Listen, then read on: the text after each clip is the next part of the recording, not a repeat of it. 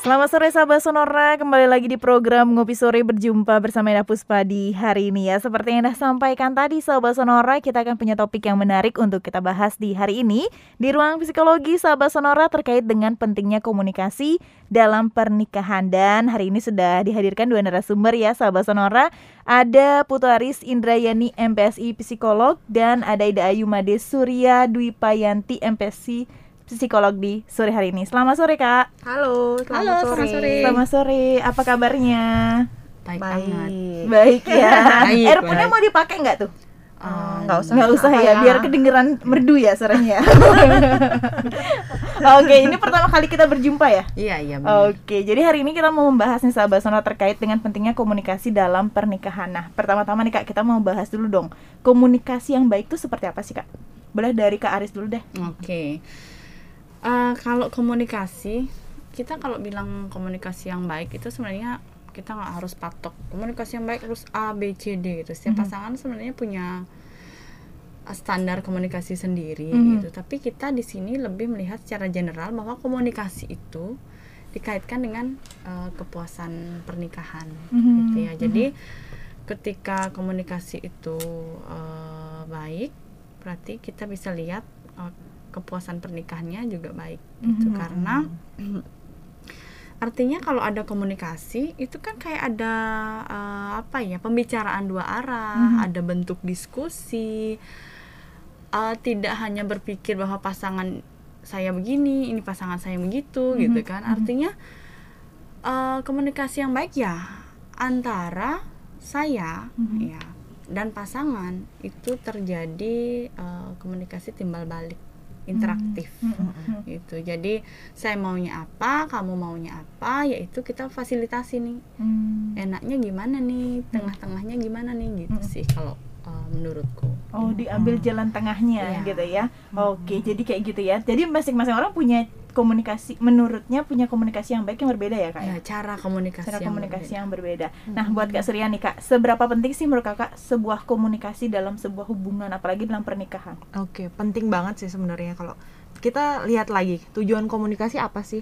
Jadi kom- kita berkomunikasi tujuannya untuk menyampaikan apa isi pikiran kita, isi perasaan kita gitu Mhm. ke orang lain sehingga orang lain tuh paham Mhm. dan paham dan mengerti 100% apa yang kita eh, pikirkan atau merasakan seperti itu kan. Tujuannya kan kita menyampaikan agar dia memahami sehingga yang balik lagi tadi ketemu jalan tengahnya kayak Mhm. gitu. Jadi sangat penting sekali sih kita eh, apalagi dengan pasangan kan kadang eh, banyak mungkin eh, hal yang hal kecil aja ya hal Hmm. kecil aja bisa jadi masalah ini padahal sebenarnya bukan hal kecil itu yang jadi masalah komunikasinya yang nggak nggak tepat gitu loh Hmm. sehingga hal kecil tadi bisa memunculkan permasalahan kayak gitu Hmm. jadi penting banget sih komunikasi itu eh, antar pasangan eh, biar tidak terjadi apa ya tidak terjadi kesalahpahaman ya Hmm. yang akhirnya memunculkan konflik dalam hubungan suatu hubungan kayak gitu Oke. Mm-mm. Nah, yang menjadi eh, biasanya akar da- permasalahan dari buruknya sebuah komunikasi atau nggak tepatnya nih, Kak? Komunikasi antara pasangan itu seperti apa? Oke, sebenarnya kalau kita ngomongin tepat nggak tepat gitu ya, eh, gini, kita kan suami dan istri itu dari latar belakang eh, budaya yang Mhm. berbeda mungkin, walaupun kita sama-sama orang Bali, tapi orang Tabanan gitu, misalkan dengan orang Bandung kan beda loh, padahal pak, padahal Bali gitu kan. Kemudian eh, apa namanya latar belakang pendidikan, pola asuh gitu kan. Eh, sebenarnya komunikasi itu kan fungsinya untuk menstandarisasi gitu ya mungkin bahasanya ya. Artinya ini kita maunya apa eh, gimana merubah karakter bukan merubah sih kayaknya gimana sih kita Menyatukan, menyampaikan gitu, ya menyampaikan. M- mungkin bisa menyatukan atau menerima Hmm. perbedaan eh, pasangan kita gitu. Di awal kalau kita ngomongin pacaran kan ah pokoknya love banget deh gitu mau gimana aja udah love banget deh gitu tapi kan kita nggak bisa hanya bahasanya love banget aja tapi kita juga harus memahami bahwa oh pasangan saya nih lebihnya gini Hmm. ini lemahnya di sini kemudian bisa nggak sih kita menerima eh, kelebihan dan kelemahan pasangan kita ini gitu biasanya yang menjadi masalahnya ya di sana Hmm. kita punya ekspektasi Iya. yang tinggi terhadap Hmm. pasangan Hmm. Karena saat kita pacaran nih dia orangnya gini gini gini Hmm. gitu. Tapi ternyata eh, enggak gitu. Hmm. itu menjadi ma- sumber masalahnya. Fakta gitu kan. Fakta faktanya. Menerima fakta juga. ya oh, faktanya kok enggak gitu. Tapi harapan dan fakta terjadilah kesenjangan gitu. Karena nggak sesuai. Nah, Konflik kesen- lah. ya kon- kesenjangan itu yang membuat akhirnya konflik gitu. Tapi ketika kon artinya konflik enggak bukan berarti pernikahan itu tidak ha- harus tidak ada konflik bukan. Ya konflik itu malah menunjukkan bahwa eh, gimana sih pasangan kita mampu atau tidak atau gimana cara mereka untuk mengambil keputusan? Hmm. bagaimana cara mereka untuk mengatasi konflik? Gimana cara mereka untuk mengekspresikan emosi gitu sebenarnya? Bukan berarti tidak ada konflik. Tapi konflik itu kita uh, minimalisir atau kita kemas sedemikian rupa sehingga akhirnya ya tidak ada yang namanya um, mohon maaf misalkan perceraian hanya karena komunikasi gitu kan banyak sekali terjadi seperti itu. Atau misalkan akhirnya uh, karena tidak dikomunikasikan dengan baik uh, si perempuan atau si laki-laki merasa pasangan ini nggak tepat buat saya. Padahal itu bisa diomongin kan sebenarnya. Cuma mereka entah enggan gitu ya kayak entah enggan untuk mengekspresikan. Atau tidak tahu caranya. Ya atau tidak tahu caranya gitu. Banyak hal sih sebenarnya kalau kita ngomongin komunikasi gitu. Bisa dibilang lebih ke value berarti ya value Iya, dari masing-masing orang Iya. ketika satu orang punya nilai. Hmm. nih ketik eh, nilai A nih misalnya Eh, sedangkan si B punya nilai B. Nah itu yang akhirnya kayak cocok gitu loh. Hmm. lo aku mikirnya kalau kayak gini harus A gitu. Tapi kalau si B aku mikirnya harusnya B dong. Nah itulah yang seharusnya dikomunikasikan sehingga kayak ketemu jalan tengahnya oh ternyata bisa lo jadi C kayak gitu jadi sama-sama nggak A nggak B tapi C gitu kayak Oke. gitu Jadi Lebih- nggak sama-sama nggak kaku sama Iya, pikirannya masing-masing gitu ya Oh, kak ya. Oke. Nah biasanya nih kak, mas secara umum ya masalah seperti apa sih yang muncul di dalam sebuah pernikahan gitu? Ketika adanya komunikasi yang tidak baik nih. banyak ya banyak banyak ya. yang paling umum deh kak, yang paling umum. ini mungkin eh, kaitannya dengan ya dari persepsiku dan yang ku alami sendiri. Sebelum Jadi curhat ya. curhat ya bener sebelum aku punya anak dan aku punya anak itu berbeda hampir 180 derajat ya. Karena kita sebelum punya anak yang ngatur diri kita ya kita gitu. Lingkungan pun sampai sejauh mana sih? Kita udah dewasa nggak mungkin diatur oleh lingkungan kan gitu. Cuma ketika kita punya anak nah lingkungan luar mulai ngatur. Yang merasa misalkan lebih tua dari kita udah makan asam garam nih udah pasti pola asuhnya oke banget nih kan gitu. Pola pikirnya. Padahal kan secara kita lihat ya belum tentu oke juga gitu. nggak semua sih tapi kita juga bisa mungkin belum tentu oke juga karena beda generasi Iya, beda zaman gitu ya. zaman, gitu kan. Nah di sana mulai kita merasakan bahwa ada misalkan mohon maaf nih dari pihak luar. Ya entah itu mertua entah itu saudara kita bahkan mungkin i- orang tua kita bukan hanya mertua gitu yang memiliki pemikiran bahwa anak tuh harus diginiin loh kalau nggak gini diginiin loh. Pola asuhnya harus gini loh sedangkan kita punya standar pola asuh tersendiri gitu. konfliknya malah bisa di sana gitu kalau tidak dikomunikasikan dengan baik kan bisa jadi bahaya. Kesannya kan simpel ya misalkan aku pengen jadi ibu yang ngasih asi penuh. Nah, dari asi doang loh. Pengen penuh ngasih asi oke fix nih sama suami. Ternyata misalkan oh anak kita kuning.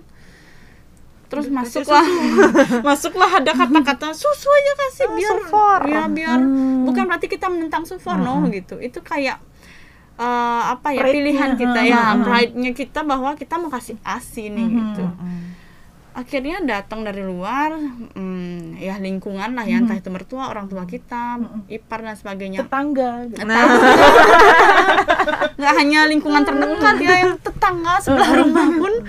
Akhirnya atau suami kita juga ikut kalau gitu support aja deh biar aman deh begini ya bener sih memang Eh, maksudnya artinya si suami ini khawatir. Orang lain sayang sama kita khawatir sama kita kenapa mereka menyarankan support gitu. tapi kadang kita juga nggak bisa menerima itu. Lah aku kan pingin asi loh. Kenapa harus support gimana dong? Jadi kita kekeh dengan asi suami misalkan kekeh dengan sufor ya itu juga sudah menjadi hal yang apa ya kayak udah konflik. Iya, tersendiri. gitu. tapi sebenarnya mbak bisa kita ke laktasi konsul misalkan.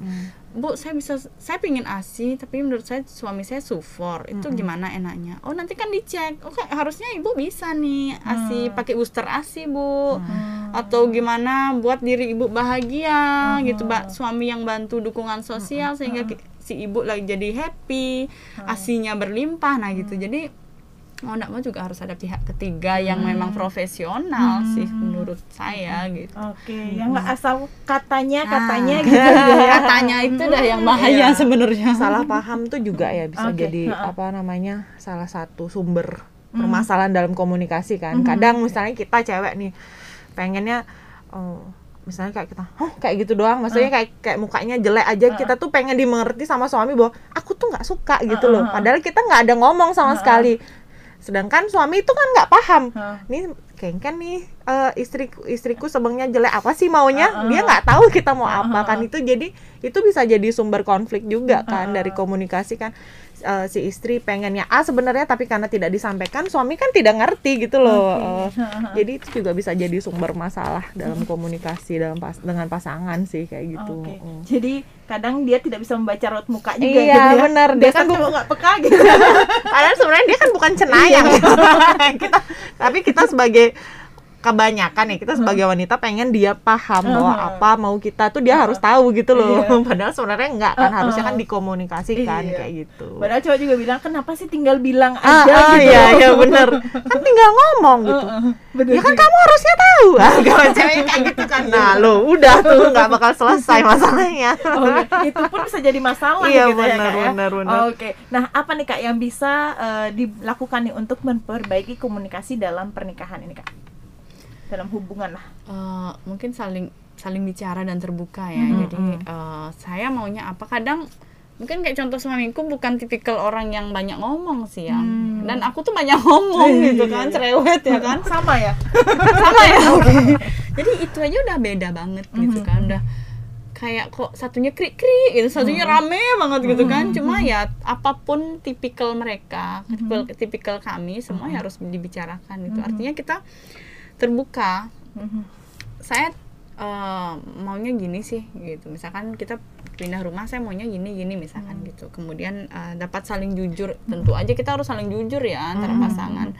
Jadi saling percaya. Jadi kadang-kadang ya ah, WA nggak dibalas kita kita udah tuh udah mikir negatif nih ke mana orang Jangan-jangan ini? Dia itu salah jangan jangan kan. Apa sadap aja WA-nya ya? nah, nah, loh jadi tambah ricuh kan sebenarnya kalau kita mikir gitu kan.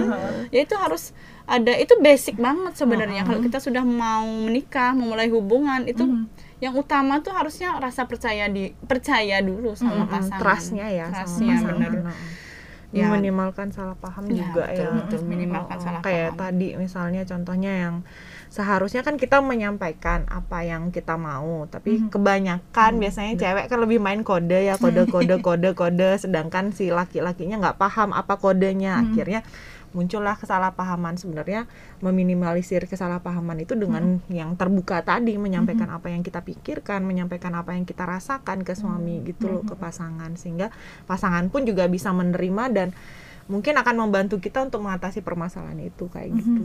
Mungkin Kak ada juga yang berpikir gini Kak, gimana? Kak caranya saya terbuka Kak? Saya mau mengungkapkan perasaan saja nggak bisa gitu. Gimana Kak? Oke. Oh, kalau gitu PR ya buat Heeh. karena uh, PR buat buat si orang yang kurang ma- kurang bisa untuk me- mengungkapkan perasaan itu sendiri sih. Seharusnya kalau kalau eh, mindsetnya kayak gini, kita memilih pasangan anggapan suami berarti suami itu sudah bisa menerima kita apa adanya kan itu. Nah, problemnya biasanya orang yang tidak mau menyampaikan perasaan itu banyak sekali problemnya eh, penyebabnya. Pertama mungkin dia merasa bahwa kalau misalnya dia menyampaikan takutnya salah atau apa gitu kan balik lagi ke pola asuh zaman dulunya dia seperti apa sama orang tuanya tuh. Nah, anggap aja percaya balik lagi percaya aja sama pasangan bahwa pasangan itu akan menerima apa yang kita rasakan apa yang kita pikirkan. Sehingga dari sana mulai mulai akan muncul kayak keberanian untuk menyampaikan apa yang kita rasakan kayak gitu. Mulai aja aku sedih gitu. Hmm. Oh, nanti akan ngalir lagi suami kenapa sedih? gitu. Hmm. akan mulai dah eh, apa namanya timbul kayak komunikasi percakapan diskusi di sana kayak gitu. Lebih ke memilih untuk percaya bahwa pasangan akan menerima apa yang eh, akan kita sampaikan apa yang kita rasakan. Seperti itu sih kalau dari aku Oh. memulai ngomong sih pastinya iya ya mau mulai. Mulai dulu ngomong gitu nanti mm, untuk urusan respon mereka gimana Iya, atau respon belakangan. pasangan gimana ya udah gitu. Artinya kita belajar di sana oh ternyata respon pasangan tuh gitu loh saat kita mengekspresikan emosi. Nah di sana kita omongin. Tapi tetap kita harus cari waktu yang tepat ya. Jadi jangan sampai lagi emosi. Kita tentunya harus tahu banget nih pasangan tuh tipikalnya gimana sih gitu. Jangan sampai saat lapar gitu kan. Saat lapar terus kita ngomel-ngomel. Nasi Iya, bener. Kita ngomel. kita ngomel kan. Jadi benar-benar di saat oke kita udah duduk santai nih atau di dalam mobil nih gitu bahwa kita menyampaikan aku tuh kemarin tuh sebenarnya sedih tapi kamu kok kayaknya nggak dengerin. Nah jadi mulailah kalau nggak dimulai nggak akan ada nggak akan ada proses kita nggak akan pernah tahu gimana akhirnya juga kan kalau kita simpen sendiri kan juga bahaya itu Oke, jadi gitu ya sahabat harus kurang lebih. dikomunikasikan di waktu yang tepat juga. Tepat. Nah, di, di dalam mobil masih masuk. Kalau naik motor brong jangan. Nggak kedengeran. Ngomong A malah Z. Oke. Nah, Kak, ada nggak sih Kak jenis-jenis komunikasi nih yang bisa diterapkan nih untuk membuat sebuah komunikasi menjadi efektif? oke Mm-mm. Eh, kalau jenisnya mungkin nggak ada yang saklek banget jenis Oh. komunikasi A B C gitu tapi yang pasti kita kayak mulailah komunikasi dengan santai dulu. Ya jangan tiba-tiba aku tuh marah loh pak sama kamu. Lah ini ngapain? Istriku tuh tiba gitu kan marah gitu kan. Tiba-tiba teriak gitu. tiba-tiba teriak tiba-tiba gila lu, gue kesel banget sama lu. Lah ngapain kayak tadi? Aman damai tiba-tiba ada badai Iya iya iya. Dan damnya tuh kesumat kayak. Kesambet yang gitu. itu dah. Jadi memang percakapan santai dulu. Jadi kayak misalkan apa ya tadi aku di kantor gini loh capek banget tuh pak misalkan gitu. Atau mungkin apa ya kamu pengen makan apa sih atau apa mulai dengan apa sih apa ya kayak kita suami istri tuh kayak udah ada kliknya aja Ya, gitu tahu ya kapan Ya. kapan waktunya kita harus ngomong tahu. Hmm, bener kapan waktunya kita kayaknya enggak dulu deh nih ngomong gitu Kayaknya dia lagi riwah deh nah, gitu ya. ya. kalau lagi riwah ya enggak usah deh ya Tambah ruwet. tambah ruwet. Oke. kemudian oke tentu diskusi. Jadi artinya diskusi dua arah. Jadi nggak cuma kita yang ngomel "Pak, aku tuh marah banget nih." tapi si suami dengerin headset tuh ada Oh, sambil atau main game. iya. Sambil main game. Aduh. lucu kan? Tambah dendam rasanya kan? Jadi kayak benar-benar ada diskusi. Jadi aku menyampaikan apa isi hatiku yang aku nggak suka. Memang tidak semudah itu karena tidak semua orang mau dan mampu mendengar gitu. Cuma nggak ada salahnya kita memulai. Kalau kita tidak memulai Kita kita, nggak tahu. tahu. gimana prosesnya gitu kan. nah kemudian ya berbincang tentang banyak hal. Cari waktu gitu ya cari waktu bahwa uh, quality time lah. Walaupun misalkan kita udah punya anak gitu. Kayak ada waktunya untuk uh, yuk kita pergi berdua aja gitu. Yuk kita kencan lagi gitu kan. Dan satu lagi nih poin penting sebenarnya ya kita diskusi atau komunikasi itu nggak cuma kayak saat kita duduk manis gini saat kita mungkin um, saat kita berhubungan seksual ya Kita ngomong ini perkawinan ya, Ya, pernikahan perkawinan, ya. pernikahan. Jadi eh, itu bukan hal tabu lagi sebenarnya gitu. Artinya apa? Ketika kita em, memilih kondom, kalau pakai kondom kita mau pakai kondom apa? Misalkan kita pakai alat kontrasepsi apa? Aku mau pakai KB aja deh, KB apa kayak apa IUD kayak atau kondom kayak gitu juga perlu dibicarakan. Jadi jangan tiba-tiba pak, aku beliin kondom, kamu pakai harus. Bang ibu ya. Nah iya bener. Kan itu kayak tidak tidak menghargai suami juga loh. Tapi aku nak pinginnya gitu. Nah kalau suami gitu, ya Aku kan? pengennya yang merek itu. gitu. Ah oke oke juga sih itu gitu mereknya kan banyak ya. gitu. Atau mungkin aku mau yang A atau yang B gitu kan dikomunikasikan. Kemudian style kita gaya ya stylenya. Kita mau style apa nih saat melakukan hubungan seksual? Kita juga bisa tanya pasangan, kamu nyaman nggak sih tadi? Hmm. Eh, kamu maaf nih udah keluar belum gitu kan enjoy nggak sih tadi seneng nggak gitu atau misalkan pasangan juga bisa jujur dengan tentu dengan gini ya cara yang tepat ya. Biar misalkan gak tersinggung gitu ya ya. iya. kayaknya eh, apa kamu kurang oke sih hari ini misalkan gitu. Tapi gitu kan. Tapi nggak apa-apa sih kita gini lagi kita perlu olahraga bareng sih kayaknya nih atau apa gitu. Jadi dengan bahasa yang tepat dan enak didengar juga kan. Itu kan untuk eh, pasangan menikah tuh kan nggak sehari dua hari sebulan dua bulan itu semoga selamanya gitu. Jadi Seumur hidup seumur gitu. hidup bahkan. Kan jadi benar-benar eh, hal-hal yang mungkin kita pikir sepele bahwa misalkan gosok gigi dulu dong gitu kan. Apa lo bilang? Ber- berarti mulut gue bau. Itu udah diberantem ya? Itu udah salah paham tuh. jadi bener-bener hari ini kita gini ya misalkan. hmm, melakukan hubungan seksual ya gitu. Atau kita pergi hotel ya biar lebih enjoy biar lebih apa gitu. itu dibicarakan semua. Jadi jangan pernah menganggap itu tabu untuk Iya. pasangan suami istri loh saya garis bawahi loh ya artinya ya itu kan sah. Mau di mana pun yang standar sih bukan di mana pun terus di taman gitu kan. Maksudnya ya di hotel ya di rumah ya di mana pun yang yang kita memang pingin dan itu sesuai standar norma ya lakukan bicarakan yang kita mau. Aku pingin gaya gini aku pingin gini. Aku mau alat kontrasepsi ini. Aku pinginnya kita nggak punya anak dulu kita eh, apa eh, enjoy dulu berdua atau apa itu semua dibicarakan. Karena kadang ada yang aku belum pengen punya. Anak akhirnya dia tidak komunikasikan. Akhirnya menolak untuk berhubungan seksual dengan suami. Atau merasa berhubungan seksual tuh hanya ya udahlah biar lu puas aja deh. Gitu kan?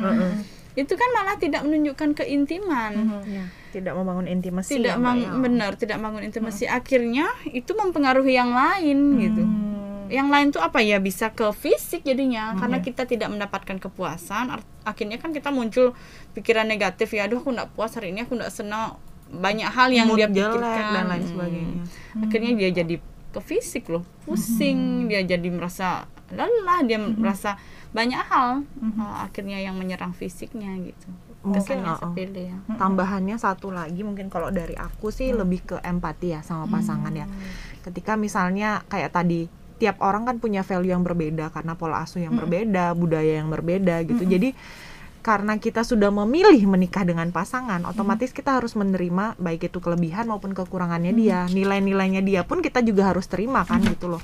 Jadi lebih ke empati aja sih ketika misalnya kayak suamiku nih ketika dia marah eh, suamiku tuh tipenya kasih aku jeda beberapa jam untuk aku menenangkan diri nanti baru kita bisa komunikasikan. Sedangkan kalau aku tipenya aku harus selesaikan. Aku ber, eh, aku punya masalah sekarang selesaikan sekarang gitu loh. Kalau awal-awal pernikahan aku kejar dia. Suamiku pergi aku kejar dia. Kamu akhirnya malah tambah besar. Nah sekarang sekarang sekarang ini kita mulai komunikasi karena aku menyampaikan bahwa kalau aku marah tolong dengerin gitu.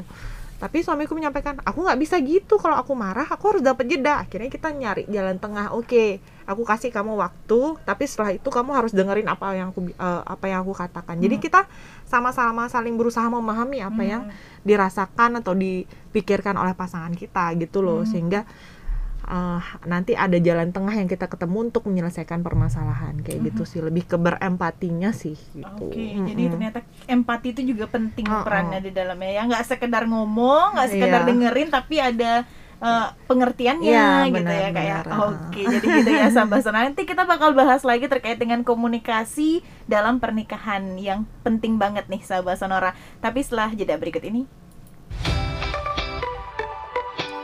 Kembali lagi di program Ngopi Sore Sahabat Sonora bersama Indah Puspa di hari ini ya. Semoga Sahabat Sonora masih semangat nih menjalani segala aktivitasnya yang lagi di jalan Yang lagi bersibuk-sibuk atau mungkin udah pada beristirahat nih Sahabat Sonora. Kita kembali dengan topik pentingnya komunikasi dalam pernikahan Bersama narasumber kita ada Putu Aris Indrayani MPSI Psikolog Dan ada Ida Ayu Made Surya Dwi Payanti MPSI Psikolog di hari ini.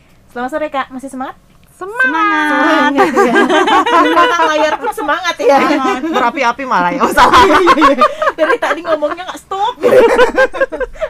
nggak ada jedanya ya. Oke, tadi kita udah membahas terkait dengan eh, komunikasi, gimana caranya membangun komunikasi gitu ya kak. Kan ada juga yang eh, mengatakan bahwa eh, kita harus memahami juga love language dari pasangan kita. Nah sebenarnya love language itu seperti apa sih kak? oke aku dulu ya saya berdua aja berdua. bareng-bareng. Jadi love language itu bahasa cinta ya. Bahasa cinta bagaimana kita mengekspresikan perasaan cinta kita ke orang ke pasangan terutama kayak gitu. Sehingga eh apa namanya kita atau pasangan merasa dicintai kayak gitu kan. Nah love language ini bisa menjadi salah satu cara yang efektif untuk berkomunikasi dengan pasangan. Karena masing-masing orang kan kayak punya aku senang diginiin aku senang ini aku senang itu. Jadi ini bisa menjadi salah satu alternatif dari pasangan uh, untuk berkomunikasi gitu loh untuk membangun komunikasi yang efektif kayak gitu. Ayo apa tuh? Tiba-tiba hening ya. Heeh, kayak gitu. Oke. Nah, kalau eh, love language itu ada ada jenis-jenisnya nggak sih, Kak?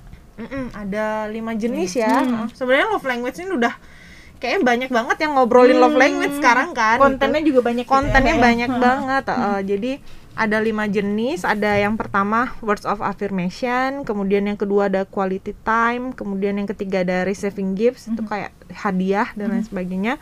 Kemudian yang keempat ada acts of service. Dan yang terakhir ada physical touch-nya gitu. Jadi ada lima bentuknya gitu. Oke, boleh nggak sih kak dijelasin secara satu persatu secara gimana sih maksud dari eh, misalnya kayak word affirmation gitu kayak apa? Soalnya yang saya sering denger tuh kayak eh, apa sih physical touch, terus sentuh-sentuhan sentuhan, gitu kan, sentuhan terus boleh. receiving gift itu ngasih-ngasih kado, bener nggak sih kayak gitu atau gimana? Iya pengalamannya? benar benar benar.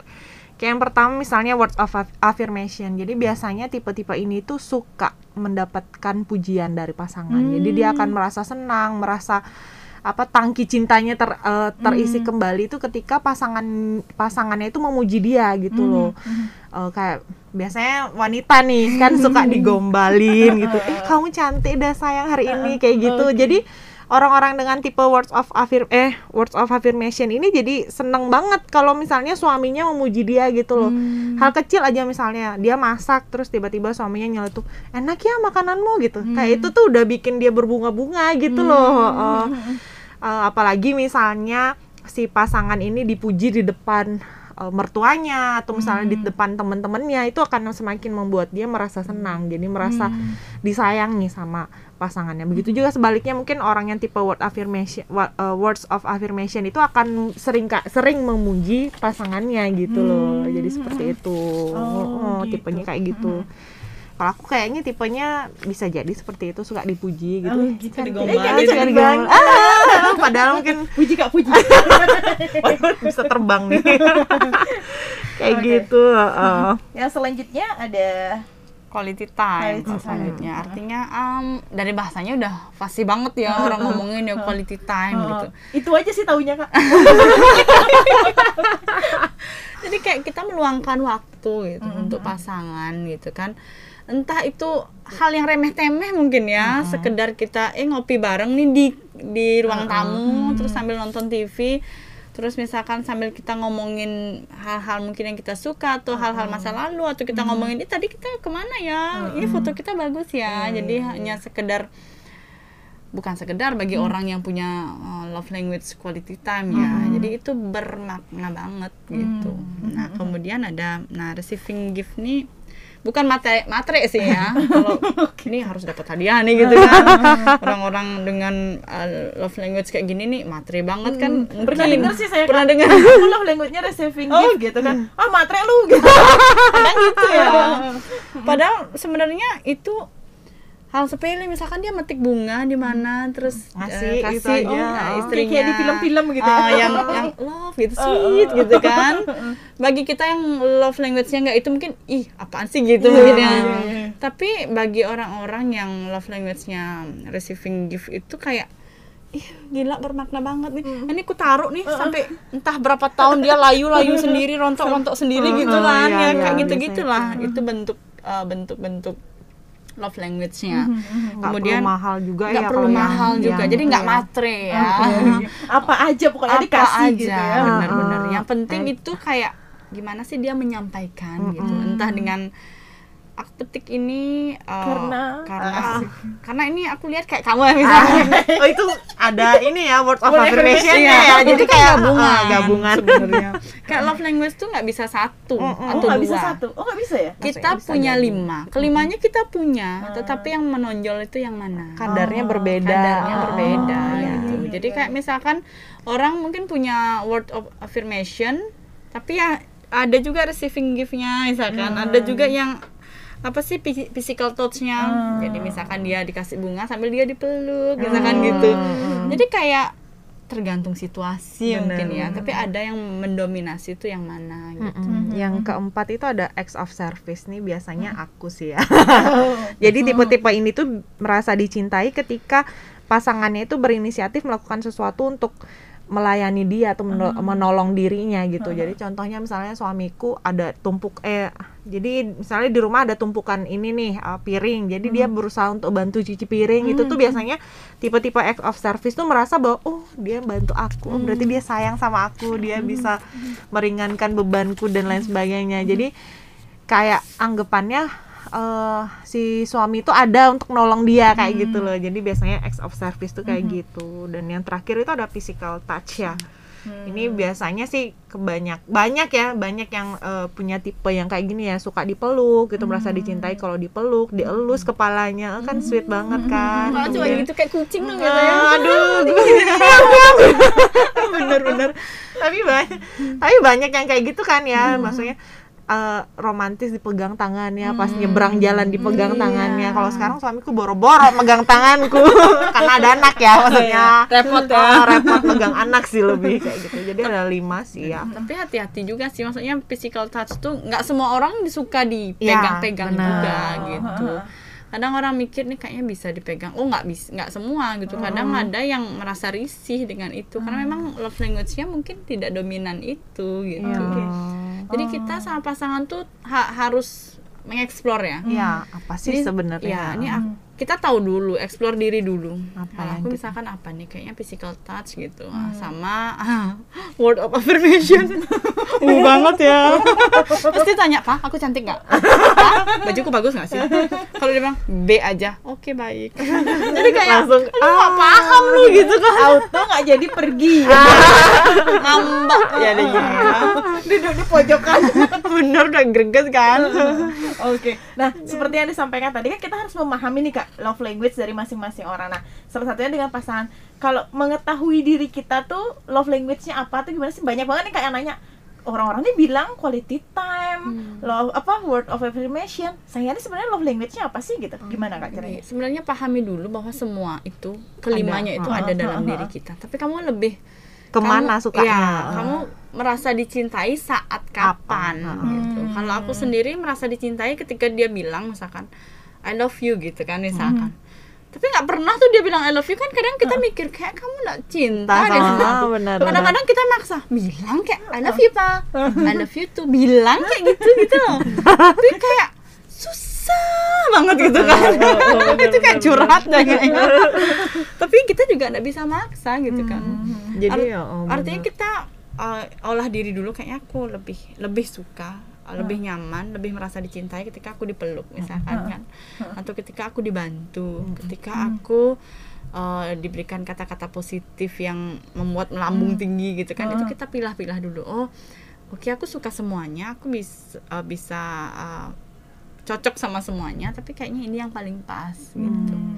Dan jangan lupa juga ya kita lihat juga pasangan kan. Nggak mungkin kita maksa kalau misalkan dia nggak suka. nggak suka gitu kan. Kan bilang dong I love you tuh nggak bisa? Lah gitu kan kayak kecewa sedih merana gitu kan. Padahal ya bukan tipikalnya kan kayak gitu. Atau bilangnya, "Eh, bilang dong I love you kan udah dipeluk. Ya kan pengennya bilang I love you. Oh, benar-benar makanya harus saling paham sebenarnya. Iya. bahasa cintanya dia apa love language-nya dia benar. Apa sebenarnya yang bener yang paling simple yang bisa bikin kita paham apa love language kita. Kita harus tahu dulu bentuk-bentuk love language itu apa gitu loh. Jadi kita tahu oh ternyata ada ini ya. Oh iya ternyata aku suka ya kalau dipegang ya. Oh ternyata berarti aku physical touch gitu. Atau misalnya ngi- suka ngintilin suami ke mana suami ikut aja ikut. Pokoknya intinya kamu harus ada di sampingku. Oh itu quality time gitu misalnya. Atau misalnya eh, suka dipuji gitu. Eh kok pas dia ngomong aku cantik aku seneng ya kayak berbunga-bunga oh berarti aku words of affirmation kayak gitu. Jadi lebih lebih ke harus paham eh, akunya suka apa suami suka apa gitu loh. Heeh, pasangan suka apa. Kalau biasanya cara untuk kita tahu pasangan kita itu love language-nya apa lihat kebiasaannya dia. Jadi misalnya kalau misalnya dia suka muji kita sering eh kamu cantik deh bla bla bla bla gitu. Oh berarti kemungkinan besar eh, love language-nya dia word of affirmation juga gitu loh. Dia juga suka dipuji gitu. Atau misalnya eh, dia yang kayak tadi misalnya si eh, pasangan suka ngintilin ke mana-mana gitu. Oh berarti love language-nya dia quality time ya gitu.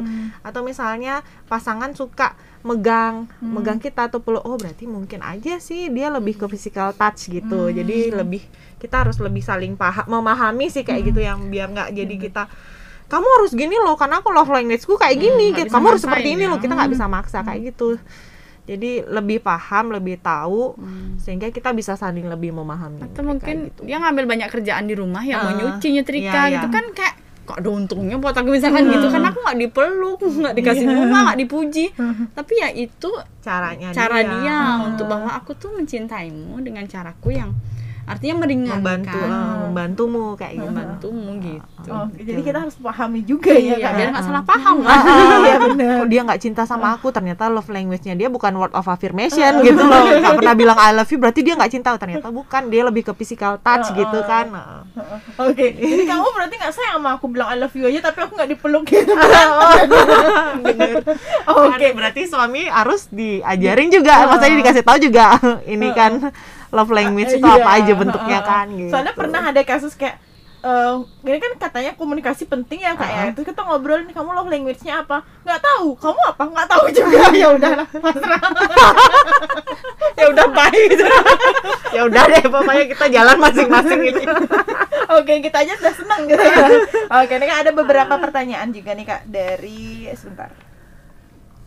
Eh, ini ada yang nanya dari Dian Kak, kalau pasangan yang sukanya dikit-dikit blok gitu, gimana ya kak cara komunikasinya? Dikit-dikit blok kak? Ngeblok maksudnya ngeblok kayaknya di Hmm. media sosial gitu atau di WhatsApp mungkin gitu. Gimana Oke. kak? Berkomunikasinya kan udah di blok ya? Gimana komunikasinya? Berarti kan kita harus tahu dulu penyebabnya apa sih Ah. dia ngeblok gitu kan berarti emang harus dikomunikasi kamu kenapa kenapa harus diblok gimana caranya kita mau komunikasi kalau kamu ngeblok kita gitu ngeblok aku gitu kan jadi eh, dengan kita komunikasi kita tahu kan apa yang dia mau apa yang dia tidak mau apa yang membuat dia ngeblok sehingga ketika ketika maksudnya karena kita tahu apa yang menjadi alasan dia ngeblok kita kita bisa tidak melakukan hal itu gitu kan. jadi lebih kayak mengkomunikasikan gitu sih ngobrol ngobrol yang baik. Tapi ngobrolnya ya ketik jangan langsung waktu dia ngeblok kita langsung cari kenapa sih kamu bla bla, bla." Iya, kasih dia jeda dulu sih untuk menenangkan gitu. Kayak kita bener sih kata Gek Surya artinya kita cari hmm, tipikal dia gimana sih Ah, ah, gitu kan. Hmm. kadang ada yang kayak Gek Surya bilang juga kan aku butuh jeda dulu. Artinya mungkin dia ngeblok dengan butuh dia butuh jeda Nah, ah. supaya nggak di Uber dicecer gitu kan eh, oleh pasangan gitu. Entah dia itu kita harus tahu dulu apakah kamu memang secara komunikasimu cara menyelesaikan konflikmu dengan butuh jeda dulu.